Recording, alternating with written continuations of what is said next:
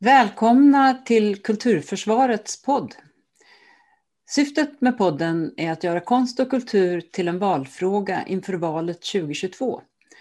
Jag som leder samtalet heter Ulla Bergsvedin, är frilansande skådespelerska, kulturdebattör och grundare av Kulturförsvaret. Varmt välkommen till dagens gäst, Ulrika Gudmundsson Schönberger, musiker och projektledare för musik i vård, omsorg och hälsa på Musik i Syd. Tack så mycket. Vilken enormt lång titel det där var. ja, men så arbetar du också med väldigt mycket. Mm. Vem är Ulrika Gudmundsson Schönberger och vad är Musik i Syd för den som inte känner till verksamheten? Mm. Ja, jag är en, en eh, flicka från landet som har eh, växt upp bland potatisar och eh, grisar och ofantligt mycket kultur. En extremt bra kombination har jag kommit mm. fram till. Och musiken har liksom funnits inom mig och runt omkring mig genom hela mitt liv. Eh, och när jag var tonåring eh, så eh, slog jag igenom en buller och bång eh, genom att komma med i Melodifestivalen. 1988 eh, var det. Eh, och kastades liksom rakt in i en nöjesbransch som, som ju var alldeles omvälvande för mig mm. och fantastiskt rolig. Jag fick göra allt på en gång på något sätt som så väldigt ung. Och jag flyttade då till Stockholm ehm, där skivbolag och de flesta arbetena, jobben fanns, alla nöjesinstitutioner och så. Och det var ju jätteroligt också. Få flytta från eh, gården. Ehm, efter ett par år så kände jag faktiskt att ehm, jag ville någonting mer med min musik. Jag, jag, jag trivdes inte jättebra i underhållningsbranschen som den såg ut då och som jag förstår att den på många sätt fortfarande gör. Och det kan vi prata om i ett helt annat program. Ja. Men ska du berätta, vad var det för, eh, vad var det för låt du... Aha, ja, 1988 så tävlade jag med Dansa med vindarna med gruppen All of a sudden. Och ah, ja. 1995 tävlade jag igen tillsammans med Göran Rudbo från Triple and Touch. Ja. Med låten oj, vad heter nu den? Jag tror på dig, hette den. Eh, så strax efter 95, eller strax innan ehm, eh, Melodifestivalen 1995 så blev jag som av en händelse tillfrågad av Musik i Skåne, som Musik i Syd hette då, om att delta i ett, ett väldigt kort, ett halvårslångt projekt som skulle heta Musik i vård och omsorg, musikfest i vård och omsorg till och med tillsammans med en annan musiker som jag inte hade träffat som också hade eh, nosats upp och man trodde att vi kunde utgöra en bra eh, duo så att säga. Och jag tackade ja, mest kanske för att jag tyckte vad gött att ha lön i sex månader. en frilansares eh, verklighet helt enkelt. Men jag fastnade nästan direkt och kände att det är här jag ska verka. På detta sättet ska jag verka med min musik. Eh, det var helt fantastiskt. Eh, första gången vi åkte ut till ett äldreboende så hade vi tolv eh, sånger och låtar på repertoaren med vad vi tänkte att en äldre publik tyckte om. Och det var ju mycket Evert Taube och det var någon Edvard Persson som vi försökte sjunga på skånska och sådär. Och det blev inga applåder eh, och någon somnade och sådär. Och man, jag stod och liksom svettades lite och undrade, tycker de inte om det här? Men mot slutet av den allra första musikstunden så, så hittade jag redan då andra sätt att se uppskattning, som till exempel att någon viftar på tårna i takt. Mm. Eh, eller att någon som hade suttit och sett ut att sova plötsligt öppnade upp och ville se vad som hände. Eh, fångade vår uppmärksamhet. Det var faktiskt det var jättehärligt redan då. Så att ja, jag, var, jag har varit fast i det sedan 1995. Och sen fortsatte jag som utövande musiker inom det projektet som ju fortsatte då i 23 år mm. istället för det halvåret. Eh, det föll väldigt väl ut och det eh, försiggick i väldigt många av de 33 skånska kommunerna. Sen så, så, så, börj, så omvandlades musik i Skåne till att bli musik i syd som då sträcker sig över eh, region Skåne och region Kronoberg numera. Så vi är nu eh, Sydsveriges största eh, scenkonstbolag faktiskt. Med otroligt många olika eh, uppdrag och arbeten och verksamheter. Vi har en stor avdelning som heter Unga Musik i Syd. Eh, och så har vi eh, offentliga konserter förstås eh, och många festivaler som vi antingen har grundat och står helt för eller i samarbeten med andra. Eh, och allting finns ju att läsa om oss på hemsidor och överallt annars. Också, eh, för jag tror att det är ungefär i tre år som vi aktivt har, har pratat om att, att bredda musik i vården till att bli någonting otroligt mycket mer eftersom vi Eh, så väl förstår hur, mycket stor, hur stor nytta det kan göra inom väldigt, väldigt många olika vårdformer och institutioner och, och andra områden som, som är hälsofrämjande så att säga. Och eh, man frågade mig om jag ville prova på att vara producent till en början. Och det gjorde jag på väldigt liten basis först. Och eh, sen växte det och jag blev utvecklare av vår avdelning istället. Och sedan årsskiftet så, så är jag på 100 procent eh, projektledare för musik i vård, omsorg och hälsa. Och vi har nu eh, sedan mitten på mars lanserat, då lanserade vi vårt utvecklingscentrum. Eh, där vi ska jobba tvärsektoriellt och som i så stor mån som möjligt söka samarbeten med hälso och sjukvården för att inte bara bli en kulturinstitution som kommer och placerar kultur. Och så är det inte mer med det, utan hälso och sjukvården ska liksom ha sina ingångar i vad som behövs och så. För att vi helt enkelt ska stärka upp ehm, ja, men statusen på att och förståelsen för vad det verkligen kan göra med en människa att i en vårdsituation eh, få hjälp med musik eh, för att hela och läkas på det sättet också. Hela människan, hela livet är någonting som, som jag och alla medarbetare på Musik i Syd ofta säger och det stämmer så väl. Ja. Ni har ju också, det finns uttalanden från kulturnämndens ordförande i Region Skåne och eh, även från regionöverläkare och funktionansvarig likarätt i Region Skåne om hur väldigt positivt det här är. Och det finns ju också både, både en strategi och ett eh, handlingsprogram för kultur och hälsa mm.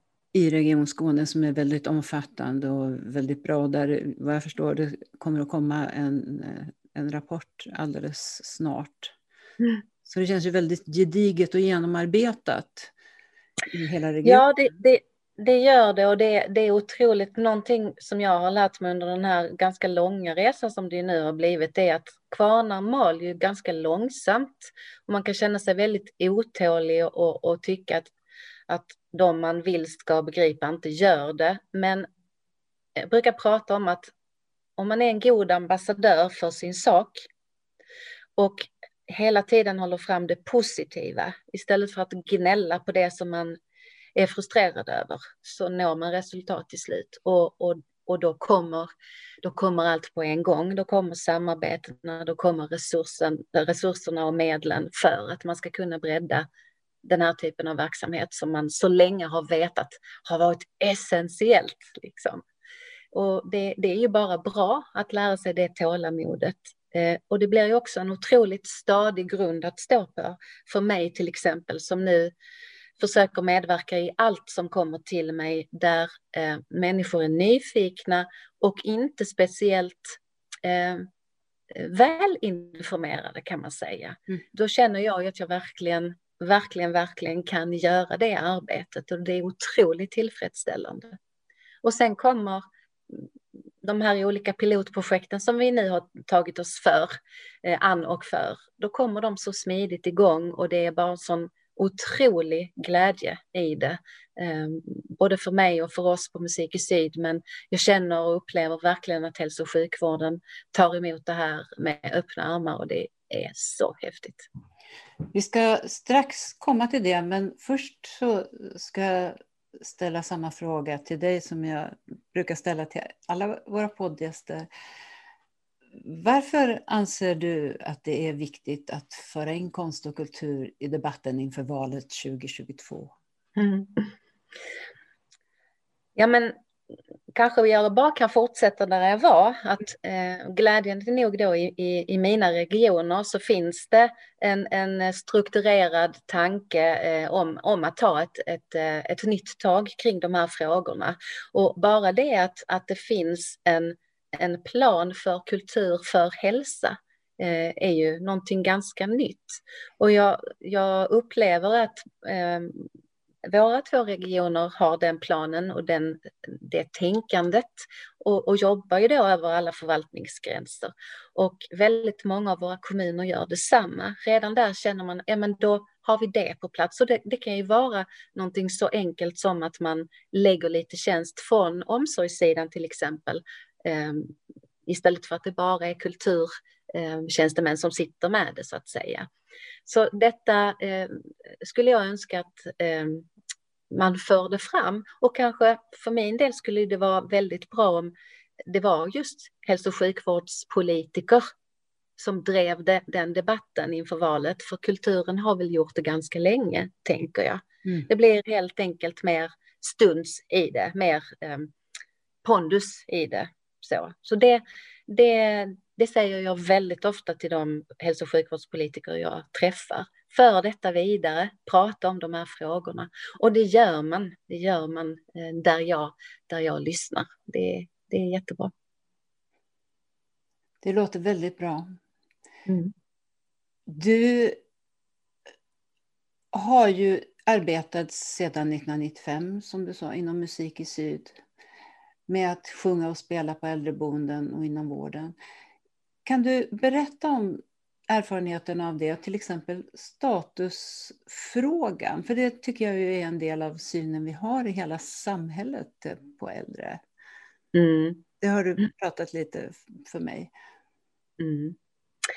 Ja, eh, man kan väl säga så här eh, att statusen har höjts efterhand mm. väldigt mycket. Eh, med det sagt så ehm, har ju alltså folket på golvet, alla som jobbar inom äldreomsorg eh, och som, som eh, eh har sina gamla i deras, hela deras vardag i deras vardagsrum. Eh, de vet ju musikens verkningar, absolut. Eh, problemet från början har varit att få högre tjänstemän och politiker att närma sig frågorna. Eh, och jag vet inte hur många gånger vi har bjudit in, bara häng med på ett musikmöte på äldreboendet Tallbacken. En enda gång, det tar bara 40 minuter. Eh, och när väl en politiker eller hög tjänsteman har kommit dit så är de ju alldeles förlorade naturligtvis. Mm. Och det är kanske det de har varit rädda för. Um, och man, det, det, blir alltid väldigt personliga reflektioner. Det, fin, det sätter igång någonting även i de här människor som, människorna som kanske inte har trott att det var någonting för deras del i samhället att jobba för. Um, det, är en, det är intressant faktiskt. Um, och sedan har det väl också jag har från början hörde jag ibland kollegor som sa, som inte hade träffat mig innan, eh, vad är det du jobbar med? Eh, jag jobbar eh, med musik i vården. Åh, oh, har du hamnat i vårdträsket? Mm. Eh, och kanske lite det här att eh, kanske även frilansande musiker hade lite uppfattningen om att ja, får man inte gig någon annanstans så kan man alltid spela på ett äldreboende. Eh, men det där finns inte längre. Det, det är så otroligt roligt att um, få förfrågningar. Och inte bara förfrågningar om jobb utan färdiga idéer anpassade för till exempel äldreomsorgen eller uh, psykiatrin och sådär av otroligt namnkunniga uh, musiker som verkligen inte behöver det som ett pengajobb utan känner att de vill göra detta. Eh, för att frågorna har lyfts. Man har, man har, vi har ju många ambassadörer på Musik i Syd eh, inom eh, underhållningsbranschen också. Mm. Som, som säger att, eh, att det här är essentiellt till exempel och så. Ehm, ja, och sen har det ju handlat om vårt arbete också att förstå på vilket sätt vi ska bredda. Mm. Ehm, så vi har ju gått ifrån att kanske mer också placera bra musik, alltid musik, mm, högkvalitativ musik och musiker är det, det viktigaste såklart. Men, men närmat oss mer interaktiva konserter och eh, förstått att det gör ingenting om inte alla tolv sångerna har blivit spelade och sjungna för att vi fick jätteviktiga samtal med de äldre som är en del i detta vi gör. Mm. Um, ja. Nu kan vi då eh, gå över till att eh, till att berätta om, du ansvarar ju för ett antal projekt inom Musik i Syd för närvarande, så att eh, du mm. kan väl börja berätta om dem. Mm. Det har ju med det här att göra.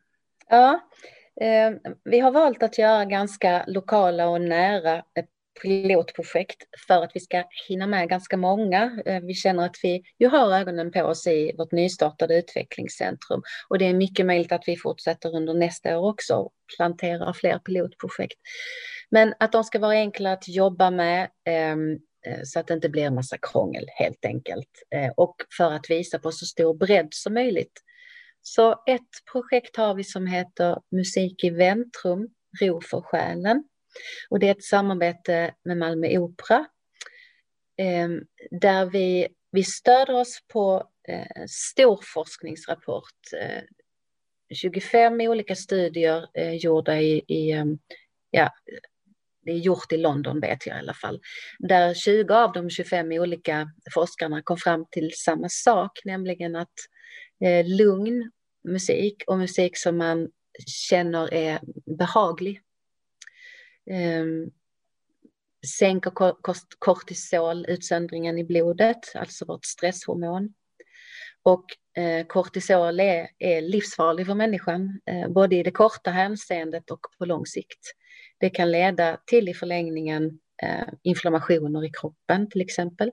Och det kan leda en in i depressioner mm. som är svårbehandlade och svåra att komma ur. Um, och då tänkte jag att den allra bästa mottagningen, eh, väntrumsmottagningen att placera i måste ju vara en akutmottagning. Mm. Där alla som kommer dit oavsett skada är akut eh, rädda, akut, eh, det är massor som är akut och de, man har ofta väldigt ont, eh, man är rädd som sagt, orolig och eh, ibland får man ju tyvärr vänta ganska länge. Och synonymt för alla väntor. Följande med också som kanske är ännu mer stressade än den Ja, precis. precis. Och det är en stressig miljö för de som arbetar där mm. hela, hela, hela mm. tiden. Eh, och synonymt för alla väntrum är att det, det brukar finnas en stor tv-skärm som alla dras till oavsett om man vill eller inte. Och man har inte tänkt ett endaste dugg på vad som går på tv-skärmen. Det är ofta en reklam-tv-kanal och det kan ju vara direkt olämpligt innehåll på den på till exempel en akutmottagning. Det kan vara trafikolyckor med massa blod och det kan vara självmord och det, ja allting dramatiserat eller verklighetsbaserat. Eh, så där tänker jag och vi att vi ska bara byta ut det helt enkelt. Eh, så, och jag vände mig först till orkestern men då ropade kören, vi vill också vara med. Så det var så väldigt mycket vunnet redan på, på första förfrågan. Och ehm, eh, jag, har, jag har träffat orkestern på deras allra första gemensamma repetition på väldigt, väldigt länge på grund av pandemin. Och hade bara några korta eh, minuter med dem, men jag sa så här till exempel, tänk efter själva vad som har eh, lugnat er i jobbiga situationer i livet. Och hör gärna av er om ni kommer på något. och sen bara rasslade in förslag. Eh, så vitt skilda eh, stycken och, och, och sånger och förslag på eh, små ensembler och sådär. Alltså du förstår, det var, jag ryser nu när jag pratar ja, om det. det. Men det här är alltså på Malmö Opera? Ja, på Malmö Opera. Och, och så ska jag träffa kören i, i nästa vecka eh, på samma sätt och de har redan börjat eh, ge förslag på repertoar. Så det arbetet har vi framför oss, att sätta ihop repertoaren. Vi ska göra en 90 minuter lång eh, föreställning med små korta pauser mellan tredje och fjärde stycket hela tiden kontinuerligt. Eh, där vi kan, eh, dels behöver ju eh, hälso och sjukvården komma med sina viktiga budskap. Nu i pandemitider är det covid-information. Mm. Men även ska Malmö Opera få säga varför de vill göra detta mm. och Musik i Syd ska få göra det. Och vi har enhälligt bestämt att detta är en kärlekshälsning från Malmö Opera och från Musik i Syd. Mm. Jag tycker det är underbart att man får vara så fluffig och så liksom enkel eh, i sitt budskap. Och vi har första inspelningsdatum klar. Eh, då är det kören, det är någon gång i, i eh, mitten på juni och sen fortsätter vi i augusti och har Eh, Eh, hela ledningen är helt med på det också, har bokat stora scenen, vilket egentligen inte går. Men eh, det ska göras för att vi ska göra hela orkestern och hela kören tillsammans och sen ska vi dela ner i små ensembler. Och hälso och sjukvården har bara öppnat famnen och sagt bara kom med det när det är färdigt eh, och placera upp det på skärmarna och sedan har de redan sagt att de ska utvärdera projektet i sitt, i sitt ehm, eh, kvalitetsarbete som alltid leds av en läkare eller en sjuksköterska. Mm. Jag har inte bett om någonting av detta utan de här idéerna kommer från hälso och sjukvården och det, som jag sa inledningsvis, ja. det, är, det är så otroligt viktigt. Jag hör att jag liksom blir glad på Förlåt, vad sa du? Dokumenterar ni det här? Filmar ni repetitioner och sen också lite... Det kommer vi ju göra naturligtvis. Ja. Och, och, och hela föreställningen blir ju filmad och, och kan ju användas sedan på andra sätt också, men vi har redan planer för, för nästa, ja. nästa projekt. Det här vill vi ju göra med barnföreställningar på, på barnmottagningar mm. och man kan placera på, på BUP till exempel, mm. en ungdomsföreställning på något sätt. Du förstår, det finns, det finns ju hur mycket som helst att göra och ja. det kommer att göras. Jag känner det, att, att det kommer att ske. Ja. Så det är det projektet. Ehm, sedan har vi ett projekt som heter Break the Silence. Och det är faktiskt en fortsättning på ett annat stort projekt vi gjorde eh, under ett, eh, en forskningsstudie som hette Digitala kulturmöten som gjordes på Göteborgs universitet. Vi jobbade tillsammans med dem under tre år och var den musikaliska verkstaden i det. Och där var tesen eh, som blev bekräftad. Rapporten är på väg, men den har tyvärr inte kommit än. Eh, det var faktiskt om digitala musikmöten, digitala konserter kunde funka eh, inom till exempel äldreomsorgen. Om det gav ett mervärde, om, om, om man tog emot det bra, om det, om det gav samma signaler eh, i kroppen och, och, och, så på de som fick ta del av det. Um, och, och vad vi kom fram till där genom samtal med de äldre och så var att eh, Eh, all den musiken som vi lite, lite strategiskt mm, placerade hos dem som, som vi tänkte att de skulle väckas till minnen från barn och ungdom. Även om det var en glad låt eller sådär tjoig och kimmig och frejdig så kunde det ändå sitta en farbror som började gråta Därför att det var inte alls ett gott minne som kom fram hos honom, utan just den låten var förknippad med att hans livskärlek gjorde slut när mm. han var 17 år och att han inte har bearbetat det. Då kom jag och tillsammans med vårdpersonal fram till att de har inte försonats med många av sina knutar genom, som de har bildat i kroppen genom åren. Vi måste kunna hjälpa till med musikens kraft här. Mm. Vi märker ju att vi får reaktioner. Och då gjorde vi en föreställning som heter Försoning, ehm, där vi intervjuade eh, äldre om, eh, om, om deras knutar genom livet. Och vi fick gå väldigt försiktigt tillväga för att de här äldre generationerna som finns idag har inte pratat mycket om det. Man, man ignorerade andra världskriget i skolan till exempel. Mm. Medan barnen var jätterädda och såg bombflyg som, som flög, kom från England med fyllda med bomber under, under vingarna och sen å, återvände eh, och, och bomberna var inte kvar. Och ingen pratade med barnen om det som såg det. Det blev en jätte, jättefin föreställning eh, som, som hette Försoning och nu så ska Break the Silence eh, eh göras på samma sätt. Eh, eller med samma ambition. Eh, det är en stor, stor konsert. Eh, får jag, bara, jag bara avbryta lite? Kan du inte ja. berätta också om vad som hände med den här klassiska musiken och den äldre kvinnan som visade sig ha ja. LP-skivor som du berättade för mig. Ja, just det. Eh, eh, ja, men det var ju Eh, det var ju det forskningsprojektet, digitala kulturmöten. Så efter musikstunden så, så satte forskarna igång med sin frågestund med de gamla. På samma sätt som vi brukar sätta oss vid kaffebordet med dem så var det likadant här. Att det var ett samtal helt enkelt.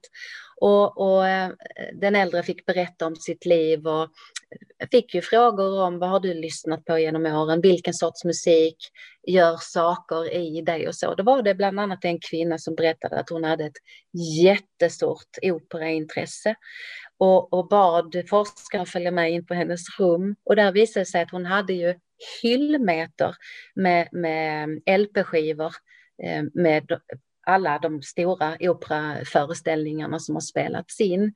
Men hade ingen skivspelare, eh, och fick inte tillgång till den här samlingen på äldreboendet.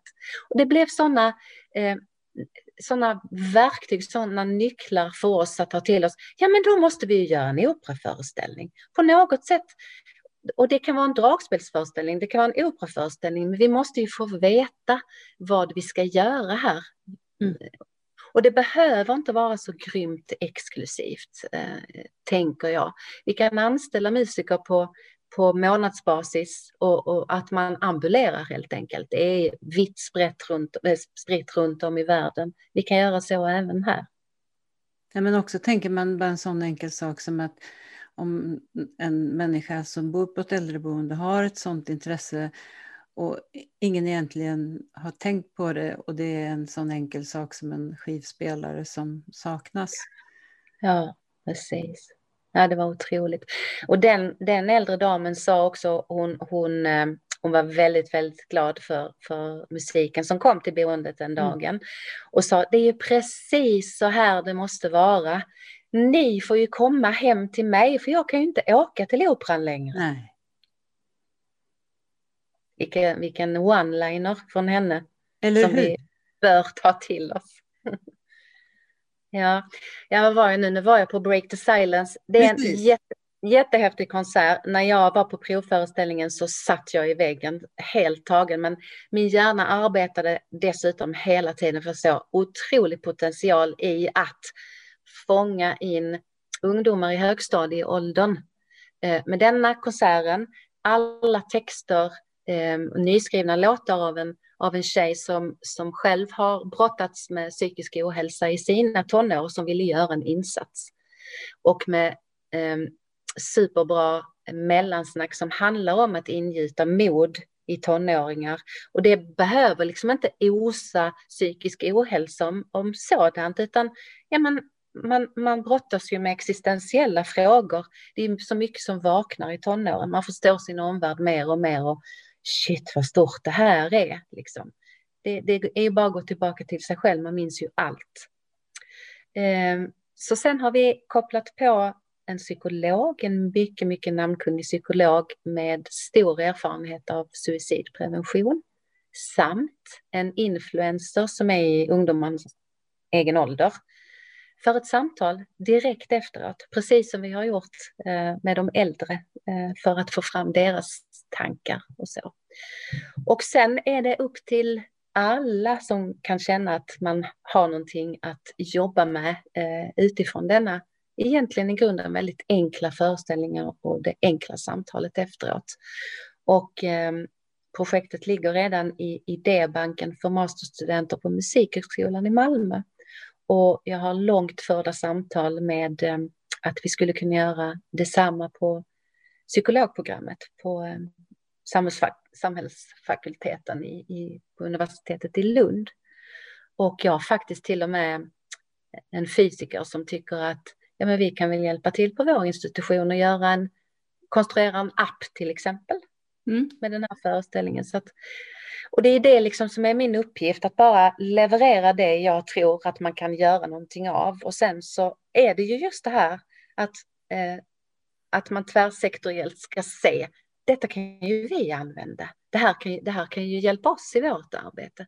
Det här kan vi använda i, i ämnet livskunskap på högstadiet. Eller det här kan en musiklärare eh, stoltsera med att man kan erbjuda istället för eh, att alla ska prova på att spela ukulele, vilket mm. de också ska göra naturligtvis. Men en musiklärare kan behöva lite, lite extra eh, skjuts liksom. Det, det är lite som med skolmaten på högstadiet, att ofta är liksom inte musik, musikämnet så jättepoppis faktiskt, tyvärr inte. Och, och här kan, har de ett mervärde att jobba med, tänker jag. Ja, det finns bara, det är bara att ta för sig, säger jag. Här, varsågoda. Det ska bli otroligt roligt att, eh, att jobba med detta projektet. Ja, det låter oerhört spännande för det, det, är klart att det ger ju då ett ämne som musik till exempel ett, ett, ett innehåll utöver att man lär sig det rent tekniska. Ja men precis. Ja. Det ska bli spännande att se vart, vart detta kan leda. Och med universiteten pratar eller, eller eh, ja, de olika fakulteterna pratar ju också mycket om eh, att, att föra in kultur eh, kanske som valbara kurser i början eh, på till exempel psykologprogrammet eh, och andra eh, läkarprogrammet. Why not, säger jag. Eh, samma där, får man då några som väljer det eh, och blir goda ambassadörer för det så kanske man till slut har kultur i programmet till sin helhet. Förr hade man faktiskt det för ganska länge sedan. Eh, hade man kultur på programmet på läkarlinjen. Jag vet inte hur länge sedan, men Ola Björgell som är min, som jobbar med likarättsfrågorna på Region Skåne, mm. han berättar om, om sådant eh, bakåt i tiden. Eh, det är också intressant eh, om, det, om det kan hamna där. Det jobbar jag jättemycket för också. Att hela tiden sitta i tankesmedjor ja. Eh, för, att, för att få detta till stånd. Och samma där, mitt tålamod prövas men, men ehm, det är bara att, bara att fortsätta. Det kommer att komma dit, jag är helt säker. Inom utbildning och kompetensutveckling för vårdpersonal och kanske framförallt för de som arbetar med dementa finns något som kallas för vårdarsång. Kan du berätta om det? Mm.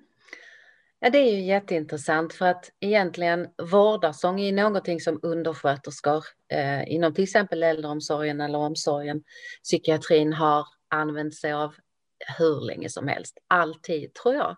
Det handlar helt enkelt om att man i en besvärlig situation med eh, en patient eller en brukare eller vad epitetet är, helt enkelt trallar sig igenom den besvärliga situationen. Och när det gäller eh, gentemot människor med demenssjukdomar så kan det ju handla om att man på boendet har fasta tider för till exempel att duscha.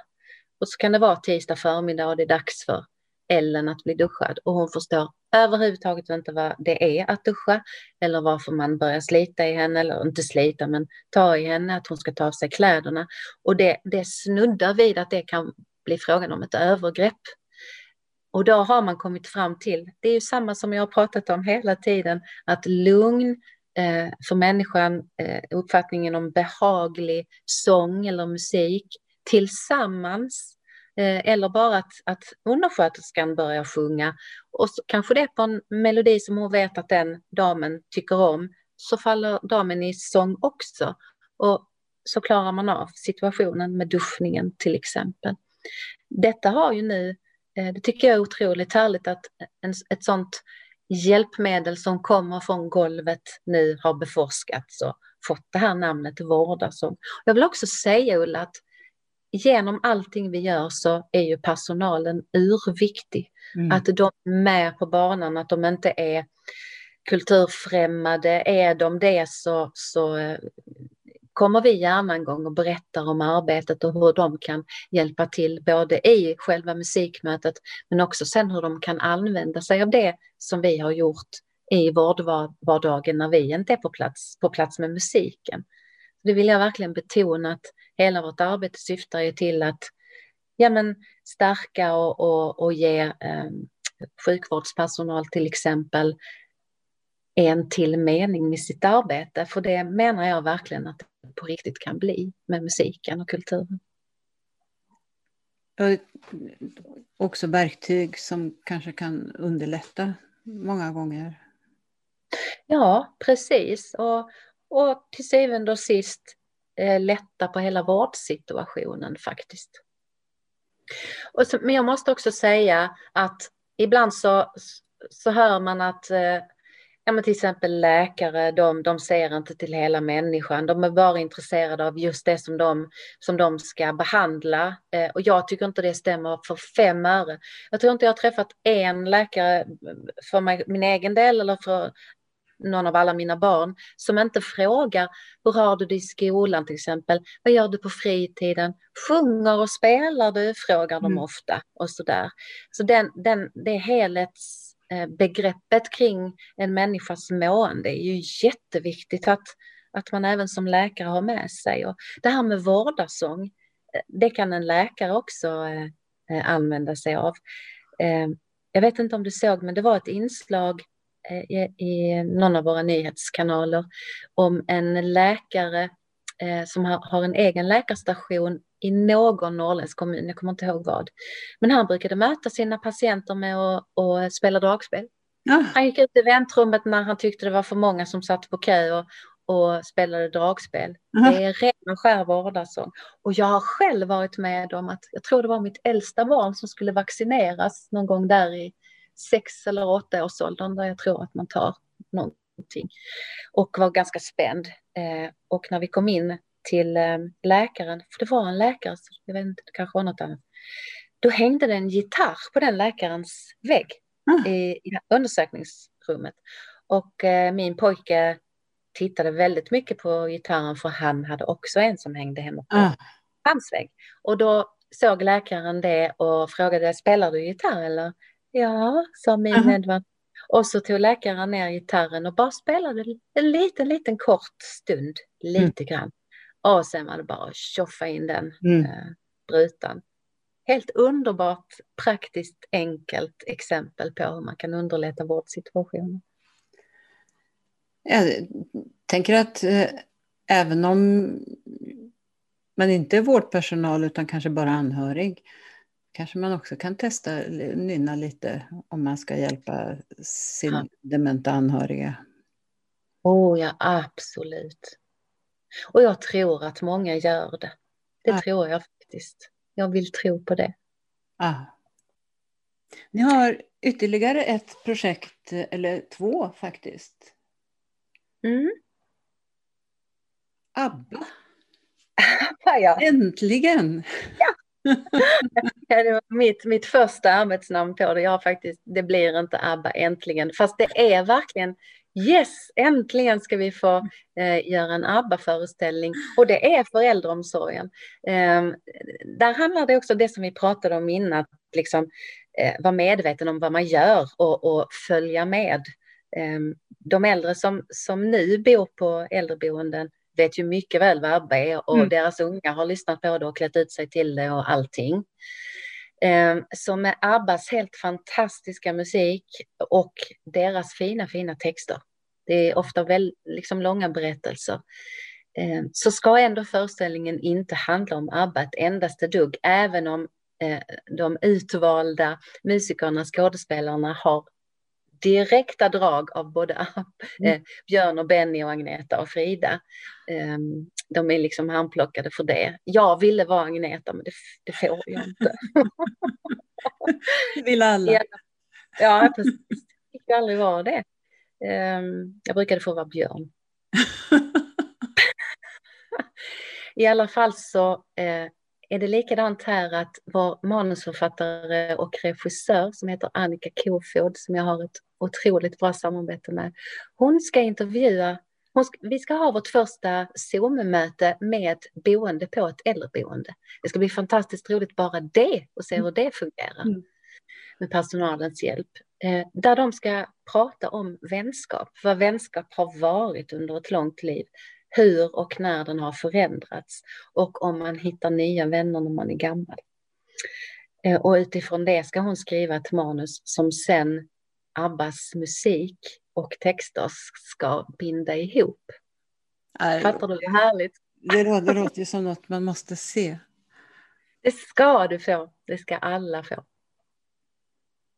Och sen har ni också något som knyter an till hundraårsminnet av eh, Kristina Nilssons bortgång. Precis.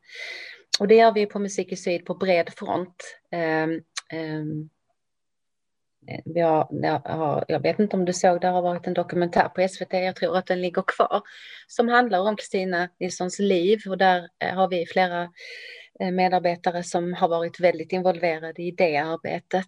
Ehm, och det projektet som, som min avdelning musikvård, omsorg och hälsa är inblandat i är ju besök på ehm, faktiskt i samtliga Kronobergs kommuner eh, och på nästan alla äldreboenden kommer det vara en utomhuskonsert som mm. handlar om Kristina Nilsson. Det är jätteroligt och, och överhuvudtaget jobbar vi numera på Musik i Syd väldigt mycket med att få med eh, musik i vård, omsorg, hälsa inom alla våra verksamheter. Så att senare nu under festivalsäsongen så eh, Eh, Eh, gör vi till exempel under Ystad Sweden Jazz Festival så gör vi jazz för äldrevården utanför eh, alla boenden i Ystad. Och under Äppelriket-festivalen i Kivik, Simrishamn, så gör vi detsamma. Eh, och där är det faktiskt med de artisterna som är engagerade för festivalen som tyckte det var alldeles självklart att ställa upp inom sitt kontrakt och göra en vårdenspelning också utan att de begär en krona till. Jag tycker det också är lite symptomatiskt för mm. tiden. Absolut. Ja, det, det är roligt också. Kristina Nilsson var väl verkligen en av våra första världskändisar, om man nu ska jämföra också med ABBA. Mm. Eh, och det här kopplas ju också till vårt eh, hundraårsfirande av det som kallas för vår demokrati, alltså kvinnlig rösträtt. Mm. Ja. Rösträtt på olika sätt. Ja. Vet, vet du att det finns ingen inspelning av Kristina Nilsson så vi vet inte hur hon sjöng? Men man, man har teorier. Jag tycker det är så fantastiskt. Man, man har ändå en känsla av hur man tror att hon lät utifrån vad som har skrivits om henne och hur populär hon blev. Det måste ju ha varit någonting nytt. Och jag har hört exempel på hur operasångare lät innan Kristina Nilssons tid. Mm. där det var mycket mer av ett skådespeleri så att säga. Det var mer att rösten skulle nå fram. Så den var mer, den var mer riktad och ganska metallisk och inte med något mjukt vackert vibrato. Men att man tror att Kristina Nilsson lät på det sättet som vi hör eh, operasångare låta idag, med känslor i rösten. Ja. Men vi vet inte. Spännande. Ja, det är det, det är det. Ja, och demokratiåret har vi i år faktiskt. Och egentligen kan jag bara säga att det genomsyrar allting vi gör. Och jag har sagt så kaxigt, det är väl vad hela min enhet handlar om, demokrati. Att, att ingen grupp i samhället får, får bli glömd i kulturfrågor eller i några frågor. Nej. Så är det. Det, det. det är väl verkligen precis det som konst och kultur handlar om. Det är det vi tillsammans med fri press och media utgör yttersta garanten för yttrandefrihet mm. och demokrati. Mm. Jag tänkte faktiskt på en sak du, Ulla. Eh, för några dagar sedan bara så, jag, jag, tror att jag läste någon tidningsartikel och då var det någon som vände sig lite mot att, att man ehm, eh, in, nu under pandemin använde ordet sköra och äldre äldre och sånt, att man tyckte att det var lite nedsättande om de grupperna i samhället. Och jag har själv använt eh, ordet skör för att liksom visa på eh, var vi behöver verka. Jag håller med, det, det, är inte riktigt vettigt att säga det, utan vadå? Vi, vi är alla medborgare, helt enkelt. Från vaggan till graven, om man vill uttrycka det så.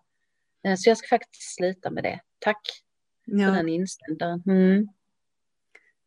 Överhuvudtaget att inte se på de här grupperna med huvudet på sned liksom.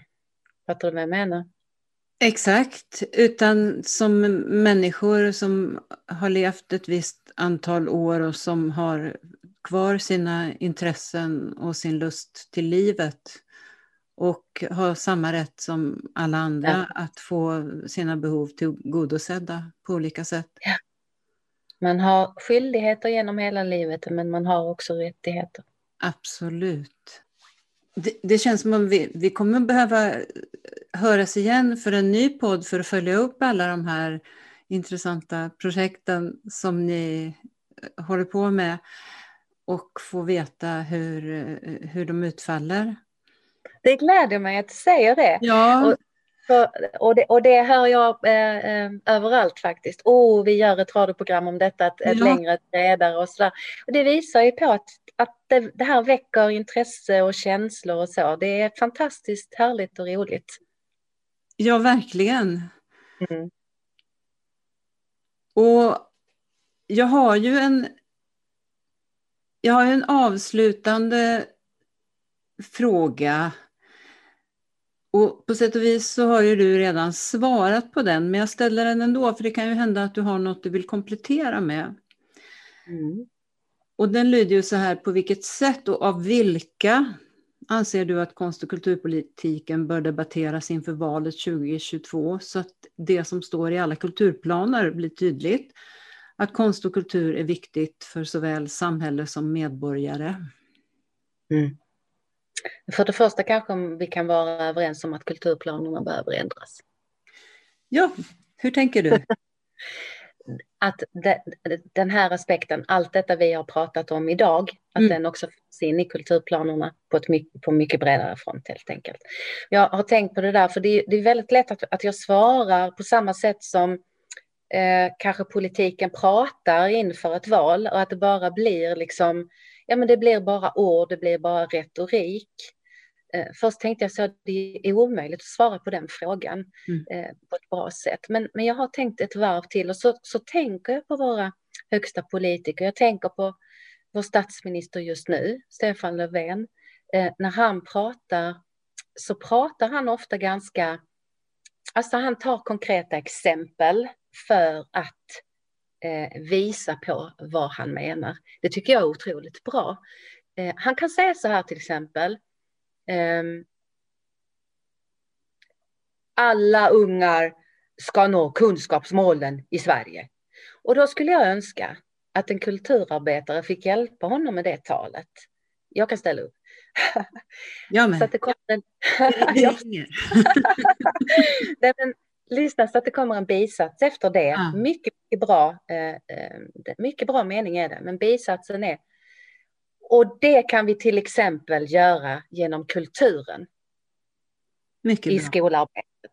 Det är en sak. Och eh, om han säger eh, Kalle 96 ska inte behöva eh, eh, missa sina intressen på, på äldreboendet.